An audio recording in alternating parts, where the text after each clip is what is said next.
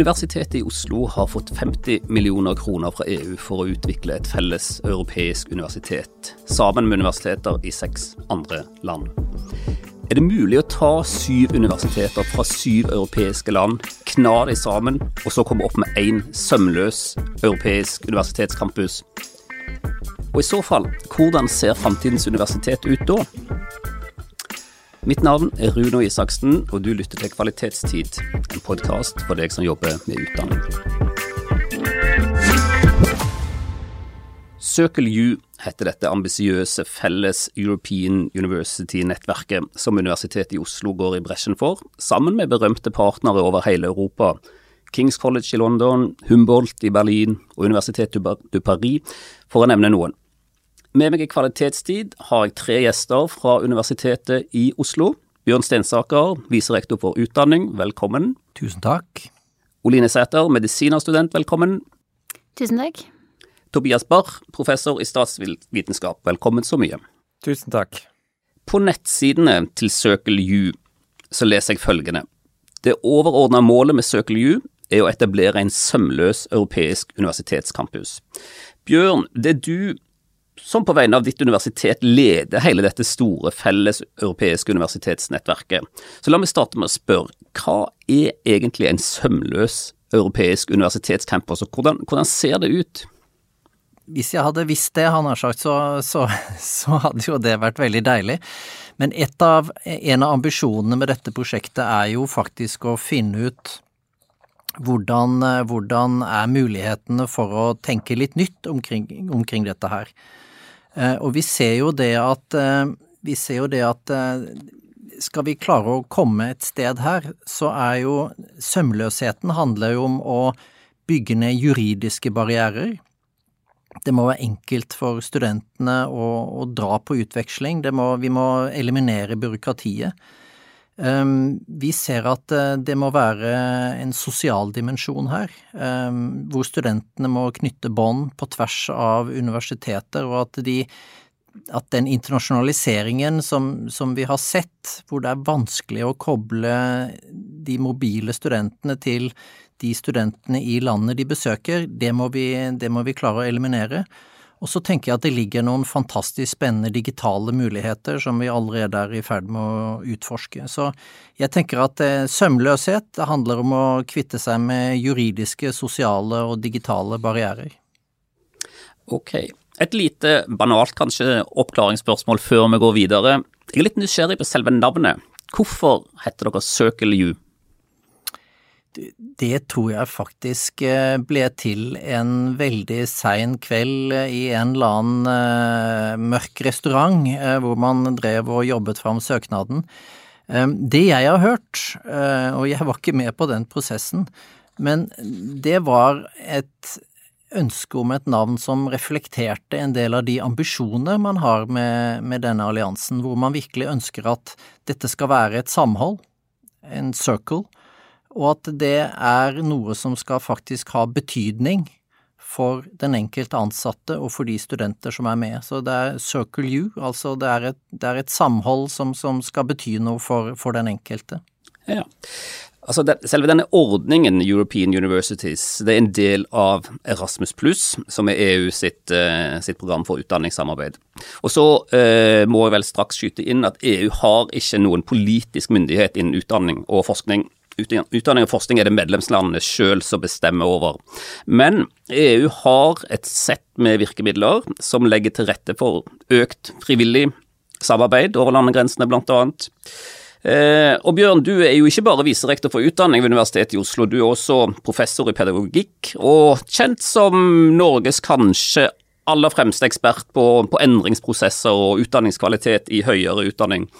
Kan du bare sånn helt kort, gi meg litt av det store bildet her. Dette med europeisk universitetssamarbeid, disse nettverkene som EU har lansert. Hva er, det, hva er, det, det handler om egentlig, hvis du tar et større europeisk eller til og med globalt eh, blikk på det hele? Det er et kjempeinteressant spørsmål, så jeg, jeg kunne nesten ønske at vi kunne bruke hele denne podkasten på det ene spørsmålet. Um, jeg tror det er et uttrykk for at man har sett begrensninger ved den gamle mobiliteten. Hvis vi ser, eh, hvis vi ser tilbake 20-25 år, så er jo en av de store suksessene med Bologna-prosessen, det er jo Erasmus-mobilitet. Eh, og den er egentlig individbasert. Det er studenter som, eh, som er de aktive, og, og, som reiser til de universiteter og programmer de har lyst til å reise til. Og de, veldig mange universiteter har flere hundre avtaler med, med universiteter over hele Europa, hvor, hvor studentene egentlig kan velge og vrake. Så valgmulighetene er fantastisk store, og så er kanskje utbyttet av oppholdet veldig opp til den enkelte student. Det vi ser nå, er jo egentlig en, eh, en, en, en måte å si at ja, men nå må universitetene sentralt på banen. Eh, de har egentlig vært frakoblet veldig mye av internasjonaliseringsprosessene. Eh, og, og ved å jobbe fram europeiske universitetsallianser, og nå er det jo 41 av dem, så, så, ønsker man rett og slett, tror jeg, å ansvarliggjøre universitetets ledelse og si at ja, men internasjonalisering det er altfor viktig til å bare overlate det til tilfeldighetene. Um, og så tror jeg liksom at det er en del store, større, større politiske spørsmål som spiller inn her òg. Um, vi ser at um, veldig mange av de problemer som, som EU har på kunnskapsfeltet, krever egentlig en ny type tenkning. Ehm, det gjelder satsing på, på uh, altså hvordan, hvordan får til en ny type forskning, hvordan får til ny, nye typer samarbeid. Eh, og da tror jeg liksom at de ser at EU-kommisjonen altså ser at eh, europeiske universiteter er egentlig svaret på veldig mange utfordringer som, eh, som, som EU sitter med. Så, så jeg tenker at dette, dette vil bare komme til å bli mer og mer viktig i årene som kommer. Ja, så må vi vel skyte inn at uh, vi snakker om EU, og det er jo riktig nok, men Norge deltar jo fullt og helst i dette samarbeidet på utdannings- og forskningsfeltet. Men flott, fra dette litt større overblikket så er jeg nå klar for å gå inn, land, gå inn for landing, for å si det sånn. Jeg er veldig nysgjerrig på hva dere faktisk gjør helt konkret on the ground. Eh, og, Tobias eh, Barth, du er som sagt professor i statsvitenskap, og du står helt sentralt i arbeidet med én av i alt tre tematiske kunnskapsklynger som dere har oppretta i Circle U. Den ene klyngen handler om klima, den andre handler om helse, og din klynge, som er den tredje klyngen, handler om demokrati. Så vil du, vil du fortelle litt om hva, hva er dere holder på med? Hva har dere gjort helt konkret i denne demokratiklyngen? Ja, så det må jo sies at vi er i en, i en oppstartsfase fortsatt, og, og søker jo Det er jo i og for seg en, en pilot. Um, men det, det, når det er sagt, så er det en del ting vi har oppnådd. Um, det ene er jo da at en sentral del av søkerjordsamarbeidet er det vi kaller for academic chairs. Det vil si at uh, hvert universitet som er med, har utnevnt um, academic chair, altså én professor vanligvis, da, um, innenfor de tre områdene du nevnte, inkludert også demokrati. Disse academic chairs er nå på plass, um, og de har ved sitt uh, lille prosjekt de skal uh, jobbe med i løpet av uh, prosjektperioden, og de er nå i ferd med å finne samarbeidspartnere ved andre universiteter som er med i, um, i Circle U-samarbeidet. Og, og, og, vi har en, en, uh, pågående dialog rundt de, de prosjektene og, og prøver å, å, å, få til liksom um, Ja, få til noe nytt der, men, men da, vi er liksom i en diskusjonsprosess uh, foreløpig. Litt mer konkret så har um, siden det tok litt tid å utnevne disse ulike chairs, og universitetene i Europa jobber på litt ulike måter, det har vi erfart også. Det tar eh, noen ganger litt mer tid noen steder, um, og prosessene kan være litt mer kompliserte, kanskje.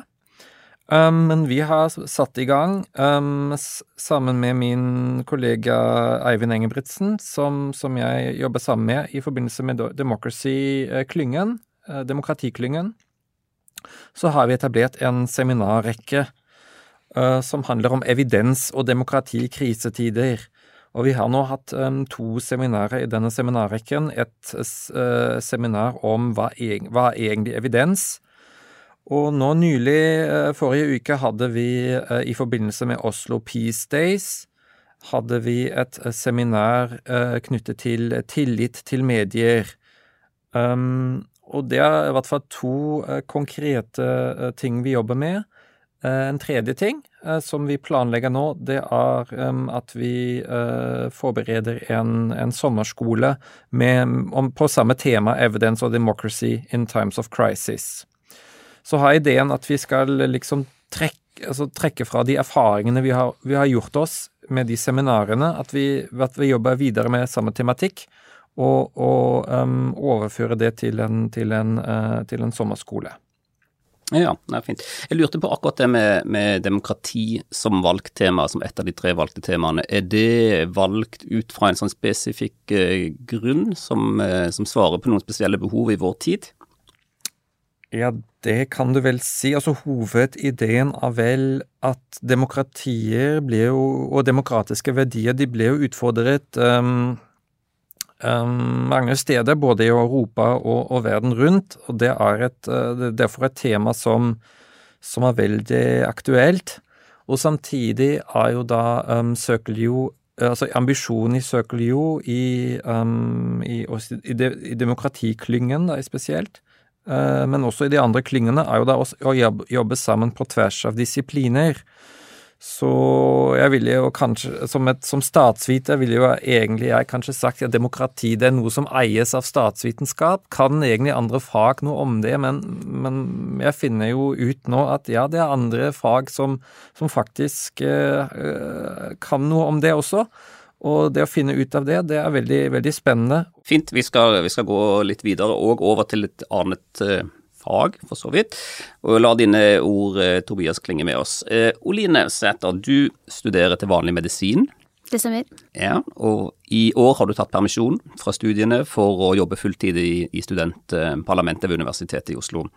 Og du er sentral her i dette samarbeidet Circle U. Um, disse tverrfaglige kunnskapsklyngene som Tobias akkurat snakket om, som det er tre av, de skal altså være arenaer hvor vitenskapelig ansatte studenter og eventuelt eksterne partnere samarbeider for å løse samfunnsutfordringer. Så kan du fortelle litt om, eh, om ditt arbeid og studentenes eh, ståsted eh, og mandat og praktisk arbeid så langt? Yes. Som du nevnte, så har jeg jo i år tatt fri for å jobbe i studentparlamentet ved UiO.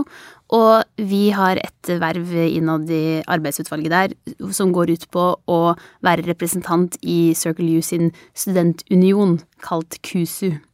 Eh, og det er der mitt arbeid går Det er det arbeidet mitt går mest ut på. Å bygge den studentunionen sammen med da 13 andre studenter fra de syv andre universitetene.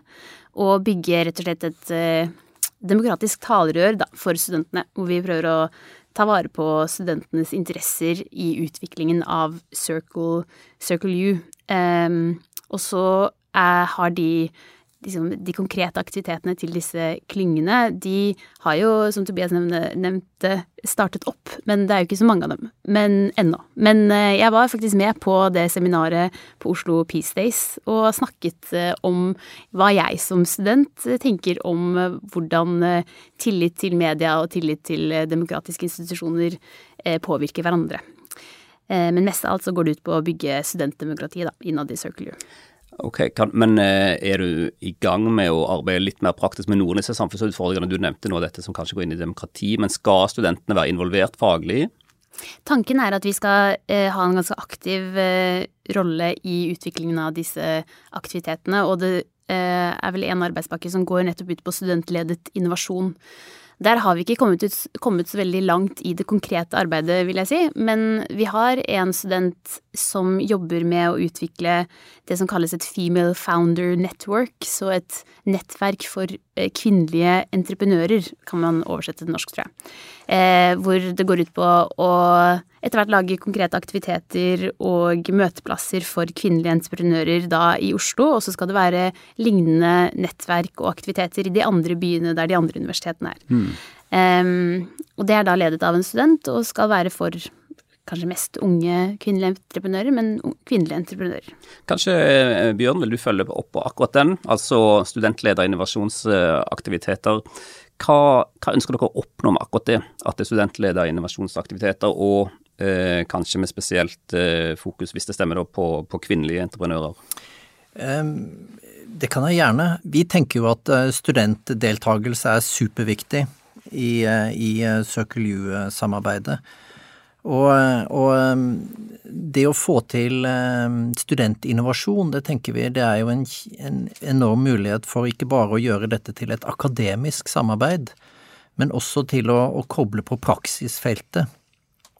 Vi ser jo at veldig mye av den tradisjonelle mobiliteten rundt omkring i Europa den har jo, har jo, vært slik at universitetet reiser til et annet universitet, og så, og så, tar de noen emner der, og så har de det egentlig veldig hyggelig, og så reiser de tilbake uten kanskje å ha lært så veldig mye mer om det, det landet og den, den, regionen som de er i. Ved, student, ved å jobbe med, med, med studentinnovasjon så håper vi at vi ikke bare blir en at dette ikke bare blir en rent akademisk mobilitet vi snakker om, men at man faktisk blir kjent med den byen og det universitetet eh, som man kommer til, og at man kan jobbe mye tettere med konkrete problemer som, som er eh, som, som, befinner seg, har sagt, i den byen. Vi tror at det gir en litt annen type læringsutbytte. Så, så vi ser veldig fram til den, eh, den studentinnovasjonsdelen av prosjektet. Nå, nå, jeg, jeg, har bare lyst til å understreke også at vi har bare holdt på et år. Eh, så vi, vi, tenker jo at, eh, at Circle U det, det, er både en sprint og en maraton, og akkurat nå er vi inne i sprintdelen, og, og veldig mye av den sprintdelen handler egentlig om å sette opp en del strukturer, få på plass folkene, eh, sørge for at de har gode arbeidsbetingelser. Og så, og så, kommer det jo en, en ny utlysning etterpå, hvor vi, hvor vi, satser på at uh, veldig mye av det vi lager og tester ut nå i, i mindre skala, at det skal, uh, at det skal uh, kjennetegne Circle U-alliansen i, i de seks årene som kommer etterpå. Ok, da skal jeg eh, sørge for at vi sprinter videre i denne podkastsendingen. Vi har vært inne på, på, noen av de viktige temaene som dere jobber med. Eh, tverrfaglige kunnskapsslynger, studentleder innovasjon. Eh, og nå skal vi rette blikket mot enda et, nemlig en skole i offentlig styring. Det Er et godt norsk ord, må tro? Styring. Open School of Public Governance.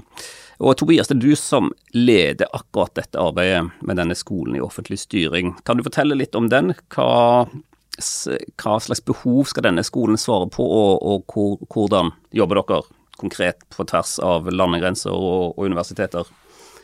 Ja, veldig, veldig gode spørsmål. Altså, ideen bak Open School, det er jo da at um, for å Altså det, ideen, Den grunnleggende ideen er at kunnskapsklyngene i demokrati, eh, klima og um, global helse, de skal jo komme med, med nys, nys, nyskapende uh, ideer. Um, men samtidig så er det jo viktig um, å, at gode ideer settes, settes, i verk. Altså, det er jo en Um, så den grunnleggende forståelsen er egentlig at uh, man er avhengig av en, en, god offentlig forvaltning, et godt styresett, for å, for å sette i verk um, nye ideer. Um, så man, man, ser jo det f.eks. For i forbindelse med, med pandemien. Vi har god kunnskap, vi har vaksiner, vi, har, vi vet hva, eller, en, i stor grad hva som fungerer. Men å, å sette det ut i livet, det krever et velfungerende styresett. Både i, i, i, land som Norge, men, men, kanskje i enda større grad i, i andre land ute, ute, i verden. Så det, og ideen bak Open School er rett og slett å, å tilby um, ulike uh, um, uh, programmer og, og, og kurs som, som setter uh, studenter i stand til å, til å, koble sammen liksom fagkunnskap, la oss si, innen, innen klima, med, med, kunnskap om hvordan beslutninger tas i, i, i, i samfunnet, i politikken og i forvaltningen. Er dette, eh, er dette tenkt som en, en, åpen skole? Altså er det en skole, en fysisk skole? Kan jeg, eh, kan jeg, melde meg opp? Kan jeg ta noen fag? Er det åpent for alle? Ja, det, det, er et veldig godt spørsmål, men det er, det er noe som vi absolutt eh, ser på som en, som en, som en mulighet når vi, når vi, utvikler dette her. Altså, eh, vi, vi, tenker langs flere linjer her, og, og, og, og, dette er under utvikling. Men vi tenker først og fremst da å etablere en, en felles mastergrad sammen med våre andre, eh, med våre partnere. Vi, vi utvikler ph.d.-kurs og vi utvikler eh, etter- og videreutdanningstilbud. Og, og, og, ideen om, om, en open school, en åpen skole, eh, um, det, det, er ulike dimensjoner her. En, en, viktig dimensjon handler vel om at, at vi samarbeider med, eh, med, eksterne partnere, eller det vi kaller for stakeholders, i, i prosjektet. For eksempel at, at vi har partnere som Eh, eh, som for eksempel eh, vi har dialog med Oslo kommune om, om samarbeid. Og, og, det samme gjør de andre partnere i, der ute i, i Europa. Og, og, på den måten får vi liksom tilgang til, til problemstillinger de, de, de, de, måtte ha, og, og klarer å, å um, og, og koble sammen eh, pro, eh, problemene ute, ute, i verden med, med våre undervisningstilbud. Mm. Jeg har lyst til å ta, og, ta et steg eh, tilbake til studentperspektivet og studentenes rolle i, i, dette samarbeidet. En av visjonene når det gjelder European Universities generelt, er jo at studentene skal kunne bevege seg mest mulig sømløst mellom de fysiske institusjonene. Eh, og I dette samarbeidet så er det nå syv universiteter. Fra neste år så blir dere ni, så utvider dere, så vidt jeg har forstått. Eh, fra, fra et studentperspektiv, eh, Oline, hvordan ser dette ut? Hvordan, hvordan jobber studentene for at dette skal meisles ut i praksis, hvis du som student plutselig finner ut at du har lyst til å, å befinne deg på universitetet i Paris f.eks. Hvordan, hvordan ser dere for dere at dette skal foregå i praksis? Det er jo litt eh, det vi prøver å finne ut.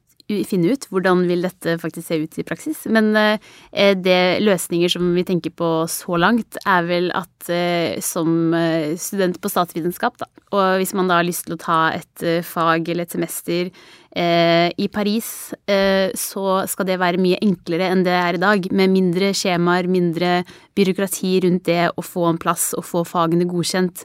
Eh, hvis man velger å utveksle til Universitetet i Paris et semester, så skal man være sikker på at Eh, denne listen med fag som er mulig for deg å ta som student, eh, den vil automatisk være godkjent. Man slipper å bekymre seg over om man vil få fagene godkjent i etterkant. Eh, det er én ting, den tryggheten med at det skal være mulig og lett, da. Men så leker vi vel også med ideen om å ha litt digital utveksling. At man som eh, student i Oslo skal kunne ta noen digitale kurs med kortere eller lengre lengde. Eh, og da kunne få benytte seg av kompetansen som finnes i, på de andre universitetene, og ta fag som er der.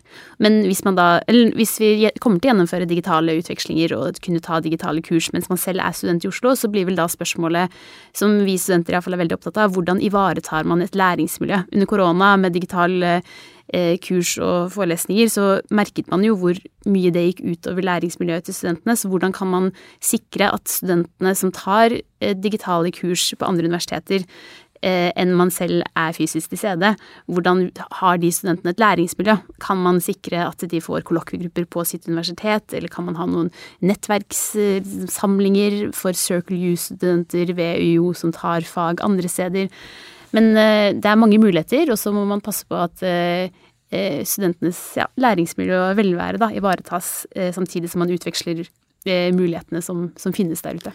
Ja, og Hvordan vil dette se ut fra, fra et uh, vitenskapelig ansatt ståsted? Hva vil bli uh, Tobias, hva vil bli de største liksom, endringene i praksis i realiteten for deg som professor uh, når det gjelder internasjonalt samarbeid, og kanskje særlig fysisk forflytning, det som jeg kaller mobilitet, et, i et, innenfor rammen av et universitet, i europeisk universitet, kontra sånn som du, du er vant med det til nå?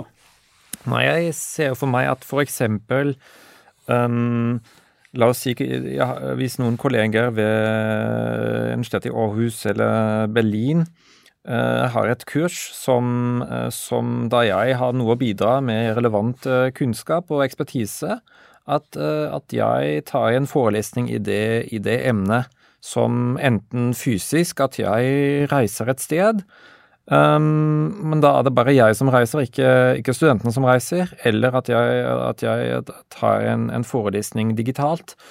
Um, det, det, er eh, kanskje noe veldig konkret, men, men, en annen ting som jeg syns er veldig spennende, det er jo da at vanligvis når jeg snakker med mine fagfeller i, i andre land, på konferanser osv., så, videre, så snakker man jo uh, hovedsakelig forskning. Mens, mens, her har man også en, en plattform for å snakke om ja, hva er egentlig gode læringsformer, hva er egentlig eh, for, for det faget man, man underviser i. Og, og, ja, hvordan ser egentlig en uh, tidsriktig pensum ut i, i, visse, i, i, et fag, i et, et, et fagfelt? Så, så, det er sånne spørsmål som, som, uh, som jeg mener kommer til å bli viktigere, og, og, som kommer til å ta større plass i, Pga. um, grunn og syns jeg dette, dette, er kjempespennende. Så jeg har veldig lyst egentlig til å, til å uh, snakke sammen med, med, mine kollegaer der ute om, om uh, undervisning i, innen statsvitenskap og, og, og uh, offentlig styring. Mm. I tillegg til disse aktivitetene som vi nå har vært inne på, og det er jo ganske mange, så er det en til aktivitet som dere eh, er i gang med, som eh, dere skal, eller skal i gang med. Eh, og det er å utvikle en, en tankesmie som skal være sammensatt av utdanningsforskere på tvers av disse syv og snart ni universitetene. Kan du, Bjørn, fortelle litt om det? Hva er, hva er behovsanalysen som ligger bak opprettelsen av en tankesmie av utdanningsforskere? Det kan jeg gjerne. Jeg, jeg tenker jo at uh, veldig mye av det som uh, Tobias og Lina snakket om nå, det, det forutsetter en, en, en infrastruktur uh, på utdanningssida. Eh, og den har vi ikke helt på plass i dag, eh, og der må vi faktisk jobbe, jobbe mye bedre. Eh, det er klart, eh, i løpet av pandemien så har vi Alle har kommet seg på nett, og alle kjører Zoom-forelesninger og den type ting. men det vi nå oppdager når vi jobber sammen med syv, og som du er inne på, snart ni partnere, det er jo at eh, disse universitetene har veldig mange ulike systemer. Så, så det å få alle disse ulike systemene til å snakke hverandre på, på gode måter, det å, det å, få en omforent forståelse av hva som er god pedagogikk, og hva som er hensiktsmessig pedagogikk inni dette, er en, er en kjempeutfordring. Ehm, jeg, jeg sammenligner egentlig dette litt med med, med, kanskje et annet tiltak som vi har eh, bred erfaring med fra Norge, nemlig Senter for fremragende utdanning. Senter for fremragende utdanning, som, eh, som jo er en, en del av, av HK-DIR, det er jo det handler jo egentlig om å, å, å være en, en, drivkraft for innovasjon. Og det tror jeg veldig mange av, de, eh, av dagens SFU-er, de, de, er nettopp slike drivkrefter for, for innovasjon. Og så ser vi at veldig mange av dem sliter kanskje litt mer når det gjelder spredning. Altså hvordan, hvordan, en del av de gode tankene, som en del av den gode praksisen som de utvikler, hvordan den, hvordan den også blir, blir distribuert, sagt, eller gjort tilgjengelig for andre. Vi tror jo at ved å lage en sånn tenketank som er et partnerskap mellom alle våre universiteter, så har vi en større sjanse for å få til omforente løsninger og til å kunne spre god praksis eh, også over landegrensene. Så vi, vi, ser egentlig veldig fram til dette, og, og, håpet er jo også at vi skal knytte en del empiriske studier til det, slik at ikke dette bare blir en uttesting av, av praksis, men at man faktisk også kan, kan få knytta forskning til det, slik at vi, vi, forsker på vår egen undervisning. Det tenker vi er veldig vesentlig. Mm. Jeg er opptatt av temaet konkret nytteverdi, og kanskje da spesielt uh, utover deres uh, nettverk. Som jo selvfølgelig er stort og kommer til å innbefatte, når dere er ni, så vidt jeg har forstått, en halv million studenter, så det er jo, det er jo svære tall. Uh, men utover det, så dette spørsmålet kaster jeg litt sånn åpent ut til dere alle tre. Det som dere holder på med, tankesmie, tre tematiske tverrfaglige kunnskapsklynger, en åpen skole for offentlig styring, studentlederinnovasjon, eh, studentmobilitet som er sømløs. Kan noe av dette ha Kan jeg, kan, kan jeg f.eks., kan hvem som helst ha noen konkret nytte av det? Er det noe som åpner seg opp for et større samfunn? Jeg kan kanskje begynne, og så kan uh, Tobias og uh, Oline supplere her. Um, Tobias snakket om Open School og Public Governance. I Norge snakker vi nå veldig mye om etter- og videreutdanning og fleksibel utdanning og desentralisert utdanning. Vi tror jo at, at, en sånn Open School of Public Governance, vi tror jo at den kan ha betydning også i forhold til Eh, studenter som, eh, som, nå er ute i arbeidslivet, og som eventuelt har, har, behov for ulike typer kunnskapspåfyll. Det som er unikt med Open School, det er jo at vi tilbyr da en internasjonal dimensjon. Altså at etter- og videreutdanning ikke rett og slett bare blir et nasjonalt anliggende, men blir et europeisk anliggende. Vi ser at veldig mange av de spørsmål som, som, som, er viktige for oss, både på klima og demokrati, ja, men det er ikke bare noe som gjelder for Norge, det er faktisk noe som gjelder for Europa og resten av verden også. Ehm, og så tenker vi jo at det er, det, er også, det er, også, Alle vil ha innovasjon i våre dager. Det er, innovasjon er på en måte motoret framfor alt. På, jeg, jeg, tenker jo at den, den, viktigste innovasjonen som vi gjør på f.eks. Universitetet i Oslo, det er at vi hvert år så, så uteksaminerer vi mange, mange tusen unge, kompetente og kreative mennesker som går ut i samfunnet. Og så tenker jeg at en del av, av, av det vi må gjøre, er jo å, å, å, sørge for at de har en kompetanse og, en, og, og de ferdigheter som, som, trengs å lykkes i, i framtidas samfunn. Og da det å ha en internasjonal dimensjon, som vi har gjennom Circle U-samarbeidet, det tenker jeg er, er superviktig. Eh, og, og, jeg tror også at framtidens arbeidsmarked kanskje her ser litt annerledes ut. Eh, kanskje jobber vi mer hjemme, men kanskje jobber vi også mer ute, og da kanskje utenfor landets grenser. Så jeg ser at, at i, et, i, et, sånt perspektiv så, så, så, vil dette være et prosjekt som har egentlig ganske store ringvirkninger, også utenom det rene universitetssamarbeidet. Og Tobias har jo i tillegg vært inne på at vi har ganske mange assosierte partnere, Oslo kommune, Oslo universitetssykehus osv. Og vi ser at klarer vi å få kobla på en del av de store arbeidsgivere og organisasjoner som finnes rundt omkring i, i, i våre nære omgivelser, så får vi kobla til praksisfeltet og, og, og skape relevans på en annen måte enn vi har gjort tidligere. Ja, og alt det som dere utvikler innenfor uh, Circle U er altså kommet i stand da, takket være denne bevilgningen på 50 millioner uh, kroner fra EU, hvorav 7 millioner da har gått til Universitetet i Oslo. Eh, kan dere reflektere litt over akkurat det, hva som er merverdien av å jobbe på europeisk nivå på denne måten, eh, og altså da selvfølgelig med, med, med økonomisk støtte fra Erasmus pluss. Hva er den mest åpenbare og fordelaktige merverdien? La oss, la oss ta det for studenter, da. Eh, hvis vi lykkes så vil, eh, så vil en, en framtidig student ved Universitetet i Oslo vil jo da ikke bare ha et uh, vitnemål fra Universitetet i Oslo, men vil ha vitnemål fra ni universiteter eventuelt, um, som gir helt andre muligheter på arbeidsmarkedet. Vi ser at uh, ja, vi er forskjellige. Vi, ser at det er byråkratiske hindringer, digitale hindringer, og så tenker vi at det at vi nå jobber med å finne den type løsninger, gir jo også oss en, en endringsberedskap som er en helt annerledes enn det vi er vant til. Uh, og vi tvinges til å på en måte jakte, jakte gode og pragmatiske løsninger i, i, samarbeid. Og er det noe vi trenger kanskje i Europa akkurat nå, så er det liksom jakten på samarbeid og å finne de pragmatiske løsningene. Og så tenker jeg på et sånn lavterskelnivå, og så, så, så syns jeg på en måte at Circle U og, og lignende allianse, vi, vi, vi, kan utgjøre en forskjell i, i, i forhold til dagens, eh, dagens politiske klima, han har sagt. Og jeg tenker også at altså, eh, innovasjon skjer i møte med andre, og andre som har et annet perspektiv enn det du selv sitter med. Da. Så det å få disse syv og snart ni universitetene til å jobbe sammen og se på sine egne løsninger, det er på en måte merverdi for samfunnet at disse universitetene utvikler seg ved å dele, felles, dele sine løsninger med andre.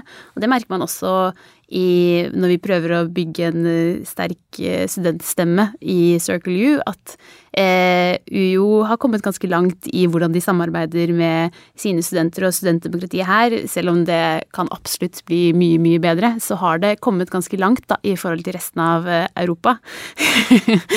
og eh, altså, vi har hørt historier om eh, studentledere på de andre universitetene som har okkupert eh, rektors kontor. Og det er sånne studentdemokratistrategier som brukes i resten av Europa. Og så jeg tror ikke jeg, tror ikke jeg ville okkupert verken Bjørn eller rektor ved UiO sitt kontor noen gang for å få gjennom vår vilje i studentparlamentet. Så det er jo det å snakke sammen og se hvordan, hvordan samarbeider vi internt på vårt, universitet, og kan vi, eh, kan vi, lære av hverandre, da. Også kulturelt, og ikke bare på konkrete løsninger. Jeg kan jeg også bare skyte inn en ting. Ja, kom igjen, Tobias. Og det, det er jo da søker jo samarbeidet fører ikke bare til at um, vi som UiO snakker sammen og jobber sammen med andre universiteter, men det betyr jo også at vi internt i UiO snakker mye mer sammen. Nå plutselig snakker jeg med kolleger som jobber med global helse eller, eller juss eller, eller, andre fag, og med folk i administrasjon osv. Eh, har møte med, med, eh, med, Bjørn og Oline og andre jevnlig. Så det, det, er noe som, som endrer også synet på, på egen institusjon og, og føre til en, til, til en liksom læring og, og, deling av god praksis også internt uh, i institusjonen. Jeg syns ikke man skal undervurdere denne, dette heller. Helt enig. Mm. Altså, dere har fått støtte nå for, for, tre år, og det vil si sånn cirka ut 2022. Eh, så til neste år, som du var inne på, Bjørn, så kan dere søke om å videreutvikle samarbeidet. og da, Sånn som reglene ser ut nå, så kan dere søke om å å videreutvikle samarbeidet over en fireårsperiode, og kunne få opp imot 15 eh, millioner euro, altså ca. 150 millioner kroner. Sånn som det ser ut nå. Det er jo ny utlesning neste år, så det må vi jo vente på. Men la oss ta det som utgangspunkt. Fire, støtte i fire nye år. 150 millioner kroner inn i Circle U eh, og bevege oss noen år fram i tid, hvordan ser Universitetet i Oslo ut da, hvis vi går fem, seks, syv år fram i tid, og dere har fått realisert eh, dette samarbeidet over mange, mange år, og med god økonomisk støtte? Hva, blir, hva er visjonen, og hvordan ser samarbeidet og Universitetet i Oslo ut da? Ja, nei, men eh, jeg kan gjerne begynne. Jeg vet jo ikke hvordan Universitetet i Oslo ser ut om, eh, om, om disse årene. men men det vi har forsøkt å gjøre med Circle U, det er jo nettopp å bygge, bygge, bygge helhet og sammenheng. Så det vi gjør med, med, i Circle U-samarbeidet er jo egentlig ikke noe annet enn det vi ellers prioriterer. Eh, vi har ved universitetet mm, tre store tverrfaglige satsinger. Vi har en på livsvitenskap, og vi har en på klima, som snart blir klima og miljø. Og så har vi en satsing eh, som har hett Norden, men som nå snart kommer til å hete UiO demokrati. Ehm, vi er en aktiv del av et, et større innovasjonsprosjekt i Oslo, som, eh, som, hvor Oslo kommune også er med, som heter Oslo Science City, hvor vi tar sikte på å drive stort, storstilt byutvikling. Eh, og det er de samme temaene som går igjen der. Det er demokrati, det er, det er global helse, vi prøver å legge kraft bak en del av disse satsingene, så, så, så det er liksom ikke Det er ikke noe isolasjonistisk over dette Circle U-samarbeidet. Og jeg tenker at på mange måter så, så, tror jeg Universitetet i Oslo har eksistert i over 200 år, og, og det lar seg ikke endre så lett. men og, og, tverrfaglighet er noe vi har, har prioritert høyt i, i, mange år, og så har vi kanskje ikke fått det helt til. Jeg tror at ved å jobbe slik vi gjør nå, både med lokale partnere her i Oslo, utenfor universitetet, innenfor universitetet og sammen med Circle U, så, så, er vi på vei mot et enda mer åpent universitet, et enda mer inkluderende universitet, og et universitet som, som både tør og, og, og, tar samfunnsansvar på en litt annen, annen type måte enn eh, Ikke det at vi ikke har gjort det tidligere, men jeg tror kanskje det blir enda mer synlig for folk flest, da, hvilken rolle universitetene kan spille i samfunnet. Og jeg håper at det, at det er noe som synes om eh, når vi er ferdig med Circle U-samarbeidet. Nei, jeg tenker at så, og jeg håper at for at om, om ti år så vil det være veldig naturlig for våre studenter at det plutselig kommer en foreleser fra, fra Belgia eller fra Serbia som dukker opp og, og holder en forelesning i, uh, i, i global helse eller i, i, relatert til klima. at det er veldig vanlig, og at studentene våre er også veldig vant til å samarbeide med studenter fra de andre universitetene, både kanskje i en digital form, men også at de møtes av og til. Og jeg vet ikke om dette da vil gjelde alle studenter som går på Universitetet i Oslo, det, det er vanskelig å, å, si. Men i hvert fall en, en, en ganske stor andel, uh, tror jeg, og håper jeg, at de vil uh, legge merke til at um, Universitetet i Oslo ikke bare det som Det skjer ikke bare her, det skjer der ute i verden, og, og uansett. Så det, det vi som jobber i universitetets verden, vi vet jo at eh, forskning er jo veldig internasjonalt, men, men eh, jeg har et håp om at også eh, undervisningen blir, blir mer internasjonalt om, enda mer internasjonalt om ti år, at, at studentene vil, vil legge merke til det. Mm. Og Oline, da passer det godt å få din studentperspektivet ditt. Ja. Eh, du innledet med å si at eh, er det mulig å få disse universitetene liksom, å kna de sammen til å på en måte bli ett eh, og én en enhet? Og det er det jeg syns er på en måte mest spennende å, å se, da. Og i den knaingen så vil man jo kanskje måtte endre litt på eh, de løsningene man har, og vi ser at eh, mange av de europeiske universitetene som vi samarbeider med, må gjøre kurskatalogen sin eh, digital, og det er en ganske stor forflytning. Men det er jo det er et eksempel på hvordan universitetene må endre seg for å finne felles gode løsninger.